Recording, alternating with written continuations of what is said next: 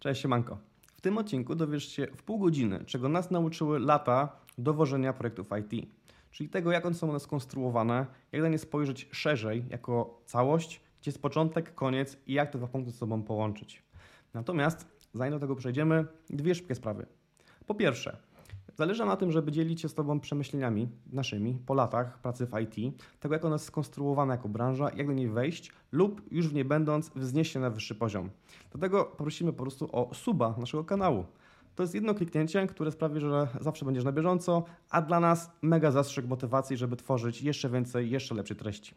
Po drugie, w poprzednim odcinku ogłosiliśmy konkurs, e, gdzie mówiliśmy o 10 książkach, które najbardziej nas ostatnio zainspirowały i chcielibyśmy w tym momencie ogłosić tego konkursu wyniki, czyli powiedzieć, jaka odpowiedź najbardziej nam się spodobała. I uwaga, wybór był mega trudny, naprawdę. Bardzo nas zaskoczyliście jakością i wnikliwością swoich e, opinii o książkach, które z kolei Was zainspirowały, ale musieliśmy wybrać jedną. I tą, którą wybraliśmy, była odpowiedź użytkownika Realme You Got It, czyli książka Phila Knighta Sztuka Zwycięstwa. Ten komentarz i ta książka pokazuje bardzo fajny przykład tego, jak można siebie zdyscyplinować, żeby wyjść ze strefy komfortu. A uważamy, że wychodzenie z tej strefy to będzie w najbliższych latach prawdopodobnie jedna z cenniejszych umiejętności, bo rosnący poziom życia nas bardzo rozpieszcza i trochę nam już się nie chce zasuwać i gonić trendów, a praca w branży IT tylko osoby, które są do tego zdolne, potrafi wynagrodzić. Dlatego gratulujemy jeszcze raz zwycięzcy i będziemy się odzywać w celu dostarczenia nagrody. A tymczasem zapraszamy do odcinka.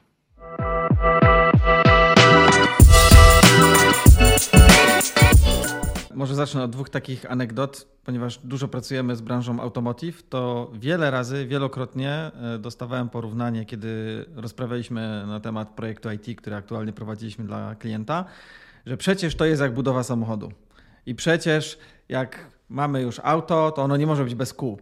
Albo z kolei z branżą budowlaną również pracowaliśmy, no przecież y, jakby to jest takie proste. To jest tak jak budowa domu. No najpierw mamy fundamenty, potem budujemy ściany, a na końcu jest dach. A co wy mi tutaj teraz? Coś tym jest, tak. może przypomnę, że jak wygląda proces klasycznego projektu. Czym w ogóle jest projekt? Projekt w takim luźnym rozumieniu to jest proces, którego zakończenie ma jakieś przynieść efekty, korzyści. No i to jest proces, który jest zamknięty od punktu A do punktu B, czyli możemy wyznaczyć konkretny moment startu i konkretny moment końca tego, tego projektu. Jak wygląda klasyczny proces budowy takiego klasycznego projektu typu właśnie budowa auta albo na przykład y, budowa domu? No. Zawsze mamy na samym początku proces tego, etap tak zwanej inicjalizacji, inicjacji, czyli moment, w którym biznes, czyli grupa ludzi, którzy chcą, żeby coś, coś osiągnąć, jakieś efekty otrzymać, definiują, co się musi wydarzyć i, i w ogóle dlaczego. Następnie po, fa po, fazie inicjacji mamy fazę planowania, gdzie już faktycznie zaczynamy kminić, jak ten projekt przeprowadzić, żeby to wszystko miało ręce i nogi, żeby te auta miały koła, a żeby domy miały fundamenty i, i dachy. Następnie trochę na równi jest faza realizacji i monitorowania. To się jakby dzieje w trakcie. E, jednocześnie no, realizujemy i sprawdzamy, jak nam, jak nam idzie. I na końcu mamy fazę zamknięcia. To w takim dużym uproszczeniu y, od punktu A do punktu B. I tak właśnie wyglądają najczęściej projekty waterfallowe. O waterfall też już mówiliśmy w pierwszych odcinkach tego, tego, tego podcastu, ale też przypomnę, waterfall to jest taki proces, w którym robimy projekt, gdzie najpierw musimy skończyć jedno, żeby zrobić drugie, potem trzecie i potem, żeby zamknąć cały projekt. Więc mamy taką kaskadową ścieżkę kolejnych etapów, które się ze sobą nie mieszają. No, na, żeby zrobić, żeby był dach, no to najpierw muszą być ściany, a wcześniej musi, muszą być fundamenty. No tego nie oszukasz, nie? I jak kojarzę, to tak pierwotnie tworzyło się projekty IT. Dokładnie tak. To jest geneza. Dokładnie tak. Przez i mówiąc o projektach IT, to może nam się wydawać, że mówimy o latach typu 2010, nawet 2000, bo wtedy my zaczęliśmy do, widzieć pierwsze strony internetowe, pierwsze aplikacje typu YouTube, typu Facebook. I to się nam może kojarzyć z początkiem IT, a tak naprawdę IT ma swój początek taki, taki biznesowy, komercyjny no w latach już 70., 80., kiedy może nie było takich systemów jak aplikacje, których używają dzisiaj konsumenci, ale były takie systemy jak na przykład e, systemy do wymiany informacji dla policji, nie? albo dla rządu, albo jakieś tam medyczne, albo jakieś uniwersytet, uniwersyteckie. Te systemy też musiały powstać. To były ogromne systemy. Właśnie książka, nie, nie, nie Phoenix, którą polecaliśmy, ale jakaś inna książka, ona właśnie opowiadała historię, a nie, właśnie tak, książka o skramie. Polecam, o skramie. Tutaj autor pisze, opowiada historię, której mm, opowiada jak powstawał system chyba właśnie dla FBI. Jakiś mega ogromny system, który był tworzony przez dziesiątki lat i nigdy w końcu nie powstał, bo w końcu tak się zapętlili, tworząc ten system, już mieli tyle nawarstwionych założeń, tyle się tam rzeczy wykluczało, że ten produkt się po prostu nie, nie mógł spiąć, nie dało się go dokończyć. I tam właśnie szli tą metodą, czyli budowania projektu e, kaskadowo. Najpierw analizujemy wszystko, co tylko jest do przeanalizowania, potem to planujemy i potem to wdrażamy i koniec. Teoretycznie i koniec. I twórcy tej metody Scrum obserwowali to i widzieli, że to się po prostu no, w takiej dużej skali nie może udać, dlatego że projekty IT to są projekty, które systemy, produkty, koniec końców zawsze bazują na interakcji z użytkownikiem. E, I nie da się nigdy w 100% przewidzieć, jakie jeszcze wyjdą kwiatki. W sensie, no nie możemy wszystkiego przewidzieć. W budowlance jest to relatywnie proste. No, możemy dokładnie założyć, jaki będzie projekt domu, możemy dokładnie założyć, jak ktoś będzie z niego korzystał, gdzie wrzucimy gniazdka i tak dalej. E, możemy obliczyć te wszystkie materiały, które są potrzebne, ten dom postawić i, i gotowe, nie? Natomiast przy projektach cyfrowych nigdy nie przewidzimy wszystkich tak zwanych corner case'ów, czyli sytuacji, gdzie a faktycznie tego założenia nie przyjęliśmy, na to nikt nie wpadł, no to teraz nie działa, nie? Teoretycznie można projekt zrobić w 100% zgodnie ze specyfikacją, a i tak pewne use cases, pewne procesy mogą nie działać, bo po prostu ktoś, ktoś o tym nie pomyślał, nie? Tak jak gdyby na przykład zapomnieć zrobić dziurę na drzwi w ścianie, nie? No, no ciężko, nie? W takim, takim, w takim domu żyć. Natomiast... Mm, może to tak działać przy bardzo prostych projektach, które są powtarzalne, trochę jak właśnie z budowlanką, gdzie mamy no, projekt powtarzalny, tam ilość elementów jest ograniczona. Dokładnie. Powtarzalność jest tutaj kluczem. E, faktycznie projekty powtarzalne można w ten sposób zrobić. Nie tylko, że takich projektów to będzie raczej mniejszość, a, a nawet jeśli nie, to, no, to są trochę te projekty trochę mniej ambitne. Oczywiście to nie, nie, ma nic złego w robieniu, w świetnym robieniu powtarzalnych, nie wiem, sklepów internetowych. Faktycznie, jak ktoś potrzebuje po prostu sklepu internetowego, to da ten projekt się przeprowadzić w taki sposób y, typowo waterfallowy. Powiedz, czego potrzebujesz, ja to zaprojektuję, wycenię i wdrożę. I masz najzwyklejszy sklep bez żadnych udziwnień. I to jest, i to jest ok. W tym też się można wyspecjalizować. Natomiast te, te, powiedzmy bardziej ambitne projekty IT, które polegają na budowaniu nowych produktów, których jeszcze jakby nikt nigdy nie widział, nikt takiej konfiguracji, funkcji nigdy jeszcze nie, nie stworzył i musimy kombinować na, na nowo, albo sami budujemy swoją własną firmę, no to tego typu projektu no, nie da się przeprowadzić. To jest fajne porównanie. E, no, ja z racji tego, że prowadzę firmę, mogę, mogę też tutaj e, tak, tak właśnie to przyrównać, że nie ma gotowej recepty na stworzenie firmy. Nawet jedynie gdzie mamy gotowe recepty na stworzenie firmy, to są franczyzy, czyli na przykład sklep Żabka. E, który chcemy otworzyć. I tam faktycznie jest gotowy koncept, wiemy jak to działa, mamy to wszystko policzone, wyliczone y, i jest to kopiuj wklej. I wtedy da się to zamknąć w konkretnym budżecie, w konkretnym czasie i ja podejrzewam, że i tak coś momentami zaskakuje. Natomiast y, jakby powiedzmy, że jest to w jakiś sposób powtarzalne. Natomiast jeżeli tworzycie swój biznes od zera, no to jakby nawet mając jakieś wsparcie, gotowe recepty na proces A, na proces B, no nie da się tego sklonować, powtórzyć i, i tak i tak trochę idziecie na żywioł. Mało tego, w tym przypadku, e, kiedy robicie biznes czy projekt IT, no, e, otoczenie, które jest dookoła Was się zmienia, jest dynamiczne. I w momencie, kiedy mamy projekt domu, czy mamy projekt e, samochodu, który już został zaprojektowany, i jest teraz produkowany, no to tam już się zbyt wiele nie zmienia. Tam są drobne poprawki, usprawnienia, natomiast to jest po prostu kopiuj w klej, powtarzalne. A w przypadku indywidualnego projektu IT, no jest to tak naprawdę momentami trochę odkrywanie koła od nowa, nawet jeżeli my mamy y, wiedzę i wiemy, jak pewne mechanizmy funkcjonują, no bo jesteśmy specjalistami, więc jesteśmy tam zatrudnieni i zrobiliśmy już podobne rzeczy 100 razy, no to właśnie biznes i otoczenie, które jest dookoła nas, cały czas się zmienia. Tu mam fajny przykład y, projektu, który realizowaliśmy największego w historii, e, gdzie ekstremalny przykład, e, firma z branży MLM więc taki powiedzmy trochę y, szara strefa. Natomiast y, ten biznes, nie wiem czy wiecie, multilevel marketing, y, marketing wielopoziomowy, cechuje się bardzo dużą dynamiką zmian. To znaczy tam dosłownie co miesiąc wchodzą nowe programy promocyjne, które mają dosyć duży wpływ na pewne podstawowe nawet funkcjonalności. Co kwartał to już na 100%, a co pół roku to zachodzą duże zmiany. I my projekt robiliśmy półtora roku a pierwotnie zakładaliśmy rok i te półtora roku i tak nie wystarczyło. De facto potrzeba by było dwóch, z czego połowa tego czasu to tak naprawdę było ciągłe dostosowywanie do zmian, które aktualnie się dzieją. My, mówiąc kolokwialnie, goniliśmy króliczka.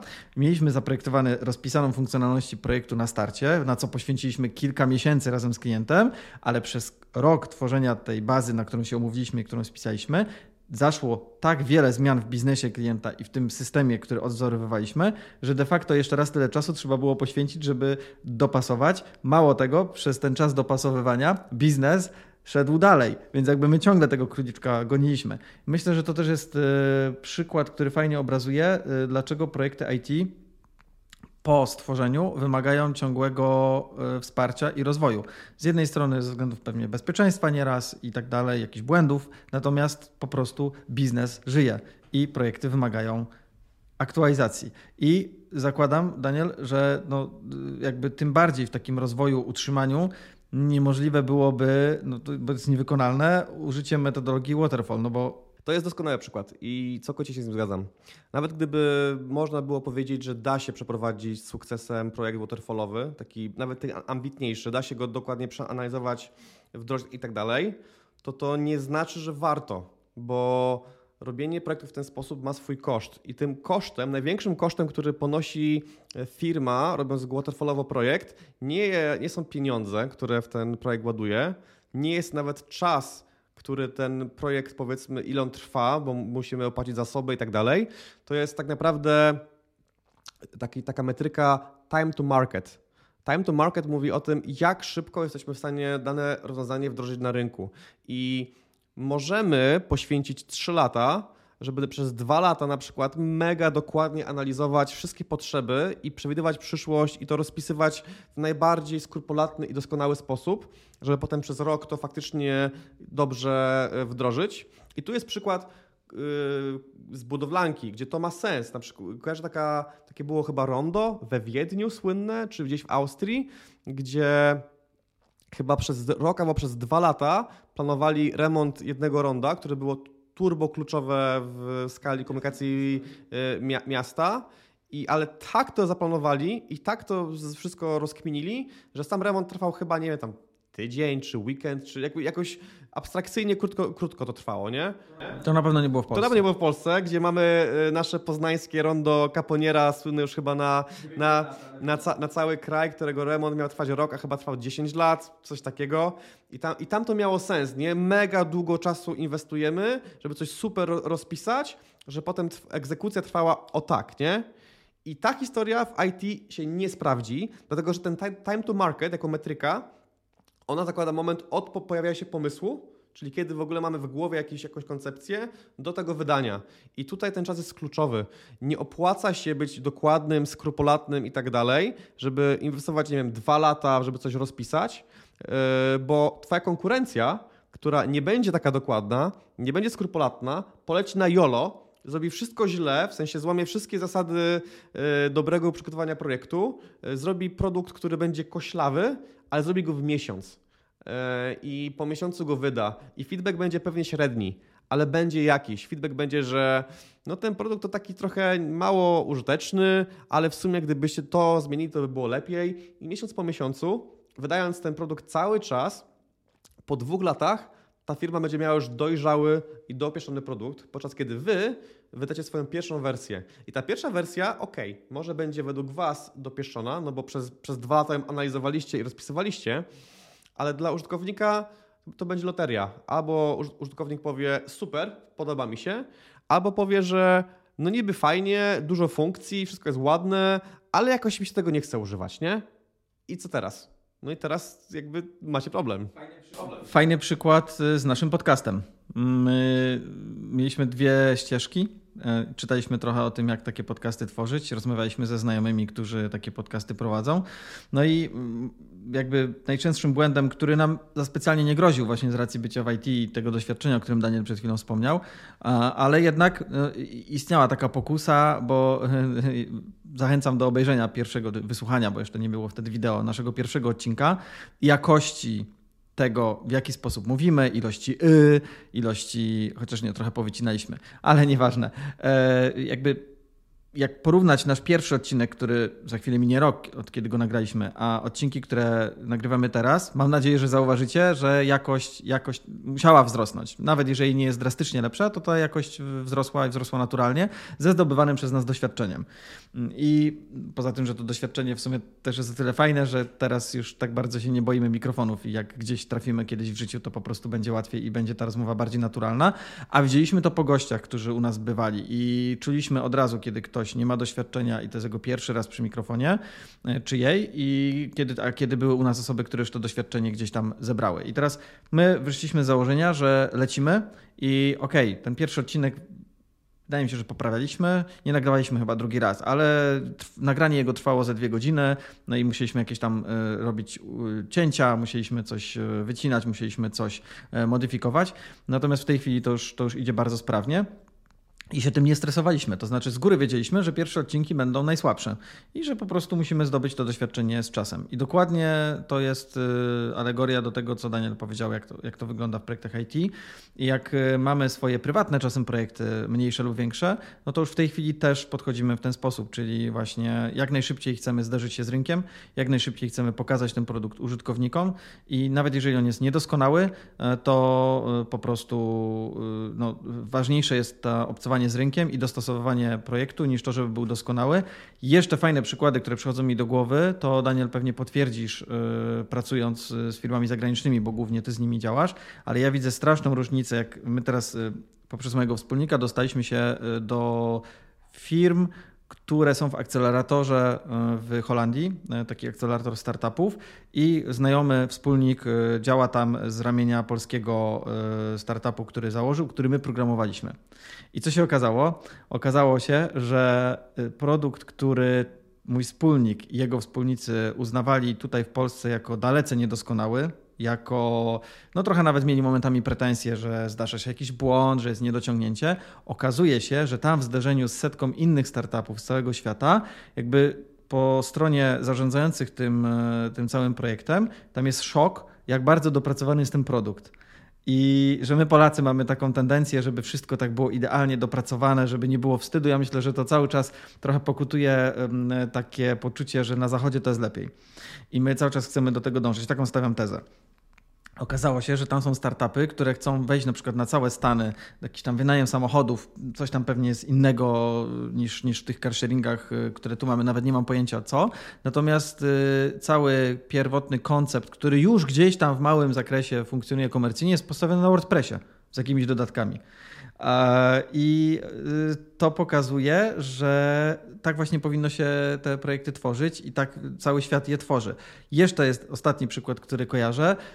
Dla wszystkich, którzy mają trochę więcej lat i od wielu lat y, korzystają z Ubera, ja cały czas pamiętam, jak y, kilka lat temu, nie wiem kiedy Uber startował, ale pierwsze miesiące Ubera w Polsce i jak ja korzystałem z tej aplikacji, ona naprawdę była kiepska z mojej perspektywy. Ja byłem w szoku, jak międzynarodowa korporacja, już wtedy działająca no, na całym świecie, jak może mieć tak kiepską jakościową aplikację. Ona dzisiaj jest, y, no, moim zdaniem, bardzo dopracowana. Nie, nie wiem, czy jest idealna, bo rzadko korzystam, ale na pewno funkcjonuje dobrze. Natomiast kilka lat temu to naprawdę, ja bym powiedział, że wstyd, że po prostu, no, no jak ta aplikacja może tak wyglądać. I okazało się, że to jest właściwy kierunek, że tak to powinno wyglądać, że po prostu lecimy, startujemy w rynku i, i, testujemy się, zderzamy z rynkiem, a nie próbujemy stworzyć coś idealnego, doskonałego i e, wydać na to kupę pieniędzy, kupę czasu, a potem dowiedzieć się, że rynek tego nie potrzebuje. Tak, zgoda. Dzięki za ten, za ten przykład z podcastem, bo o tym nie pomyślałem, a faktycznie można to porównać, żeby po prostu to zaczęliśmy robić przy jakimś minimalnym przygotowaniu i po tych kilku odcinkach pewnie już zaczęło się robić słuchalne, versus moglibyśmy rozpisać pewnie scenariusz do pierwszych 10 odcinków, pójść jakieś kursy specjalne, szkoły, y, zrobić sobie studio i tak dalej. I zaczęlibyśmy pewnie przynajmniej pół roku, ale jak, jak, jak nie rok później i pewnie byśmy zaczęli z lepszym e, efektem jakościowym, ale z drugiej strony teraz mamy już rok materiału na YouTubie i tylko go otworzymy dalej, więc no coś za coś. I co do Ubera, tak, dokładnie o to chodzi, że dużo bardziej opłacalne jest wydać się, wydać produkt szybszy, mniej doskonały, z większą ilością błędów, ale być pierwszym na rynku i jak najszybciej zdobywać feedback. No więc wracając do tego procesu, Przypomnę, jak wygląda klasyczny proces projektowy. Najpierw mamy fa fa fazę inicjacji, potem planowania, potem egzekucji i monitoringu i na końcu mamy fazę zamknięcia. Jak to wygląda w IT? Bo żeby też nie było takiego wybrzmienia, że skoro w IT robimy, żeby było szybciej i mniej dokładnie, to to wszystko jakby nie ma znaczenia, bo jest proces i on ma sens, natomiast jest jedna zasadnicza różnica, ale to za chwilę. W IT przynajmniej ja wyróżniam takie fazy jak. Najpierw mamy planowanie. I niekoniecznie mówimy tutaj o inicjacji albo o inicjalizacji projektu, bo ta faza też się musi odbyć. To jest moment, w którym komuś się w głowie pojawia pomysł, albo z jakichś badań wynika, że coś warto zrobić. Więc y, zbiera się parę osób i to zbiera do kupy i mówi: OK, robimy projekt. Z reguły w IT jest tak, że ten biznes jest jakby na zewnątrz i do nas przychodzi, do zespołu technologicznego, który to wszystko ma wytworzyć w odpowiedni sposób. Dlatego z reguły ta, ta faza dzieje się poza nami jako technologią. E, dlatego najczęściej zaczynamy od planowania. E, czyli musimy rozpoznać to wymaganie, to, to oczekiwanie biznesu i rozkminić, jak chcemy je ugryźć. Z reguły po fazie planowania dzieje się faza analizy, czyli tego głębszego wejścia w te wszystkie potrzeby yy, i czasami stworzenia jakiegoś zarysu architektury, czasami lepszego rozpisania wymagań na bardziej szczegółowe, jakiś może warsztat. Generalnie taka faza odkrywania potrzeb. Trochę odkrywamy, trochę analizujemy, to się właśnie często mówi po angielsku discovery, no i generalnie szeroko pojęta analiza. Czyli musimy zrozumieć faktycznie, jakie potrzeby stoją, jakie motywacje, jakie cele chcemy spełnić, co w ogóle chcemy zrobić. E, czasami też tam powstają takie elementy jak POC. POC to jest proof of, proof of concept, taki trochę prototyp, trochę takie potwierdzenie, że to, to, co chcemy zrobić w ogóle jest sens, nie? Czyli robimy takie rzeczy na brudno, trochę na kolanie, trochę na sznurki, ale żeby w ogóle potwierdzić, czy, czy jest sens inwestować kolejne tygodnie, miesiące i setki tysięcy albo dolarów, żeby, żeby nie zrobić czegoś, co okaże się, że kompletnie, żeby było kompletnym, to i tak jest niemożliwe technicznie, bo mamy jakieś ograniczenia. Więc faza discovery, odkrywania potrzeb i analizy. Potem mamy fazę designu, czyli faktycznie już wiemy mniej więcej, co chcemy zrobić. Wiemy, jakie to ma ramy czasowe, plus minus, jakie to ma ramy zakresowe e, i przechodzimy już do designu, czyli do, do, do projektowania. Z reguły zaczynamy od e, projektowania UX-owego, czyli wymyślamy, jak będzie wyglądała ścieżka użytkownika przez produkt. Jeszcze nie tworzymy interfejsu, grafiku, grafik, przycisków, obrazków, tylko planujemy sobie strukturę aplikacji albo systemu, architekturę informacji, czyli takie rzeczy, które tworzą szkielet tego, co potem będzie tymi wszystkimi kolorkami i obrazkami wypełnione. E, czyli takie projektowanie UX-owe. UX, przypomnę, user experience, czyli projektowanie tego doświadczenia, które ktoś, ktoś chce mieć. Jakie będą kroki, ile będzie zagnieżdżeń i tak dalej, jak ta aplikacja ma być od tego szkieletu zbudowana. Potem z reguły wchodzimy już w, ten, w, ten, w tą fazę właśnie designu interfejsu, Czyli już faktycznie pojawiają się kolorki, przyciski, logotypy, że taki banner większy, mniejszy, e, jaka stylistyka, to się już dzieje w tym miejscu i faktycznie możemy tą aplikację już zobaczyć, a nawet dotknąć, bo dzisiejsze narzędzia, tak jak Figma, czyli narzędzie do projektowania właśnie interfejsów aplikacji i generania produktów, pozwala na bardzo zaawansowane prototypy, i można relatywnie szybko za pomocą tylko i wyłącznie grafik, który stworzył projektant, stworzyć klikalny, interaktywny prototyp aplikacji że dosłownie mogę na telefon coś kliknąć, coś się wydarzy, zobaczę jakąś animację, przejdę do innego ekranu i do, mam wrażenie, jakbym już dotykał coś, co zostało zaprogramowane, a tam nawet nie padła jeszcze ani linka kodu. E, I to jest właśnie też fajna praktyka, żeby wizualizować, jak ta apka ma wyglądać, bo zmiany na etapie designu mogą zająć jeden dzień, można czasami parę godzin, żeby całkowicie aplikację przebudować. A taka sama zmiana koncepcyjna na zasadzie, a zróbmy jednak, żeby menu było nie rozwijane, a jakieś tam inne, to tego typu zmiana na etapie programowania z reguły się mówi, że kosztuje 10 razy więcej że zmiana na, na poziomie pomysłu kosztuje godzinę pracy, e, na poziomie interfejsu, nie wiem, dzień albo tydzień, a na poziomie programowania miesiąc albo czasami pół roku. Jakby koszt zmiany rośnie wykładniczo w każdym kolejnym etapie, dlatego te zmiany chcemy jak najszybciej identyfikować jak najprostszymi metodami. No ale okej, okay, mamy tę fazę designu, czyli projektujemy, jak coś ma być skonstruowane, jak to ma wyglądać. Jak potem to widzimy, dotykamy i mówimy, tak, to ma sens, dokładnie to chcę osiągnąć, to przechodzimy do fazy developmentu. Czyli tu już ci programiści siadają i biorą te tematy na warsztat, już faktycznie kod powstaje, potem ten kod jest testowany, bo mamy fazę testowania, czyli co trzeba najpierw wyprodukować, żeby to było przetestowane przez jakichś e, testerów albo quality assurance, czyli ludzi od jakości. E, no i kolejna faza to jest teoretycznie już deployment, czyli publikacja, czyli jak już mamy coś, co jest przetestowane i działa, to możemy to wziąć, położyć na serwer, odpalić, opublikować i proszę bardzo, używajcie. I to dla niektórych jest moment, ten deployment, bo to jest taki przysłowiowy enter, który trzeba nacisnąć, tak, publikuj to, nie? I faktycznie, jeżeli publikujemy filmik na YouTubie, to faktycznie to jest załadowanie pliku, naciśnięcie opublikuj, koniec historii. Ale w IT w tworzeniu produktów i projektów i przy kodzie, to nigdy nie jest moment. Dlatego ja to nazywam wręcz osobną fazą, bo do tego trzeba się przygotować. Trzeba mieć pewność, że serwer jest odpowiednio skonfigurowany, że nasz kod na serwerze produkcyjnym, czyli takim finalnym, docelowym, na którym faktycznie ludzie tego używają, tak samo się zachowa jak na serwerze testowym, którego używaliśmy wcześniej. Musimy jakieś testy przeprowadzić obciążeniowe. Jest cała masa rzeczy, którą trzeba zrobić przed e, tym momentem publikacji. I jest cała masa rzeczy, które mogą się wysypać po publikacji. Dlatego ja fazę tego deploymentu y, oceniam jako właśnie fazę osobną, a nie moment y, w życiu, życiu, projektu, bo często nam tam się mega dużo rzeczy wysypywało, więc to nigdy nie jest jeden dzień albo jeden klik.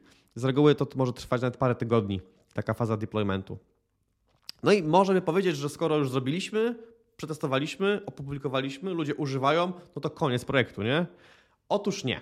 E, po tym, jak już to wszystko publikujemy, mamy jeszcze fazę tak zwanego maintenance'u i supportu, bo to też jest przykład, który często, jak pracowaliśmy razem, od naszych klientów słyszeliśmy, że o co chodzi? Zamawiamy u Was produkt, aplikację webową, Wy nam ją dostarczacie, ona dzisiaj działa, jutro działa, a pojutrze przestaje działać w uproszczeniu, albo po tygodniu, albo po miesiącu. Ja nie rozumiem. Kiedy ja kupuję od Microsoftu płytę, na której jest Office, na której jest Excel, to ten Excel tak samo działa dzisiaj, jak działał rok temu i jak będzie działał za 10 lat. No to jest program, no klikam i wiem, co się wydarzy, a nie, że klikam, jaki nagle jest błąd. E, a, a to program, nie? To też IT. No to o co chodzi? Już tłumaczę. Takie produkty jak Excel, Word, które klasyczne były instalowane na, na, na, na, na płytach, one miały trochę inną specyfikę, bo były faktycznie projektowane latami i były w zamkniętym ekosystemie osadzone, po prostu wypalone na płycie albo, albo na, mm, na innej formie nośnika i to działało w takiej samej formie cały czas. To nie było rozwijane. A produkty, które robi się dzisiaj, e, tak zwane e, SASy, czyli software, który jest w chmurze, cały czas go rozwijamy, dokładamy nowe patche, nowe, e, nowe upgrade'y, nowe, nowe wersje, nowe funkcjonalności, to to jest coś innego niż y, program, który był napisany i wypalony na płycie. To cały czas żyje, y, wobec czego y, mogą pojawiać się jakieś różne zależności. Może być tak, że coś, co dodamy nowego, zmieni podstawę, która spowoduje, że coś innego przestanie działać. Dlatego właśnie ten maintenance i ten support jest potrzebny cały czas. Te, to są żywe produkty, które są cały czas rozwijane i nigdy nie wiemy, czy przypadkiem jakaś mała rzecz, którą zmienimy w jednym miejscu, nie wysypie systemu z drugiej strony. Oczywiście od tego mamy testerów, mamy całe to fazowanie powstawania, tą analizę, to powinno temu zapobiec, ale nie mamy tej pewności nigdy. Dlatego każdy produkt, który działa w internecie, który jest stroną albo y, oprogramowaniem typu właśnie Google Docs, które, którego nie musicie instalować na komputer, bo to działa w przeglądarce. To jest żywy produkt, ciągle rozwijany i on potrzebuje mieć swój maintenance, czyli swoje wsparcie. Czyli krótko mówiąc, tych paru typów, którzy siedzą w tej piwnicy i tylko na co patrzą, to na wykresy, czy produkt działa, czy nie. A jak pojawia się bug, czy coś nie działa, to go naprawiają i nic innego nie robią. Upraszczam, ale generalnie o to chodzi, nie? Fajny przykład. Jeszcze y, miałem jedną dyskusję kiedyś z klientem, gdzie y, zadał pytanie, że dlaczego, jak on, jak on zamówi malowanie pokoju, no to płaci ustaloną kwotę. No i o co chodzi? Dlaczego ma płacić teraz dodatkowo? No i na szczęście to było oczywiste i szybko znalazłem odpowiedź. No dobrze, ale my pomalowaliśmy ten pokój w połowie, a pan teraz stwierdził, że chce mieć go pomalowanego w innym kolorze. No więc jak pan tak zrobił Y, malarzowi, to też by pan zapłacił drugi raz za to malowanie. Albo ten sam przykład typu nawet pomalowałeś cały pokój, ale potem przychodzi córka do pokoju i mówi, tato mi się jednak podoba bardziej niebieski. No panowie to przemalujcie, nie? No jakby mamy umowę, więc, no ale no, no chwilę, no nie, no nie. I tak to dokładnie działa w IT, tylko że to, to jest ok w IT, nie? W sensie faktycznie ten biznes, który przychodzi i zmienia i powie, że wiecie co, teraz to bym jednak tą funkcjonalność wolał trochę inaczej mieć zrobioną, y, to, to jest naturalny efekt zmiany, która z kolei wynika z tego, że biznes lepiej rozumie potrzeby swoich klientów i się do nich próbuje dopasować, dać im więcej wartości. Więc zmiany są w IT dobre, ale to tym samym jest całkowitą bombą dla uporządkowanego i dla sfazowanego procesu waterfallowego. No i tym samym dochodzimy do clue, czyli skoro opowiedziałem Wam, jakie są kilka etapów tego klasycznego projektu, a potem opowiedziałem o tych kilku etapach projektu IT, nadal można by stwierdzić, że no to czym to się różni? Skoro mówisz, że w IT to ma też swoje fazy, czyli przypomnę, planowanie, analiza, odkrywanie, design i tak dalej, i tak dalej, aż do utrzymywania i do supportu.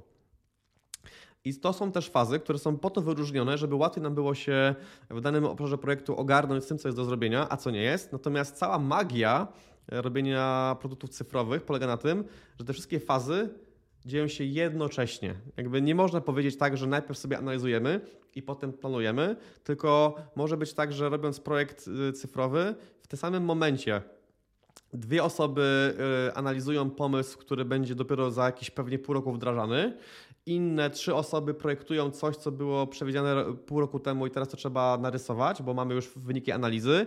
Inne parę osób programuje jeszcze inny feature, a zupełnie inne parę osób utrzymuje system, który od roku jest rozwijany cały czas. Czyli te wszystkie fazy mogą dziać się jednocześnie. Każda faza to mogą być inne osoby, które pracują nad inną warstwą pomysłu, problemu, e, innym obszarem projektu.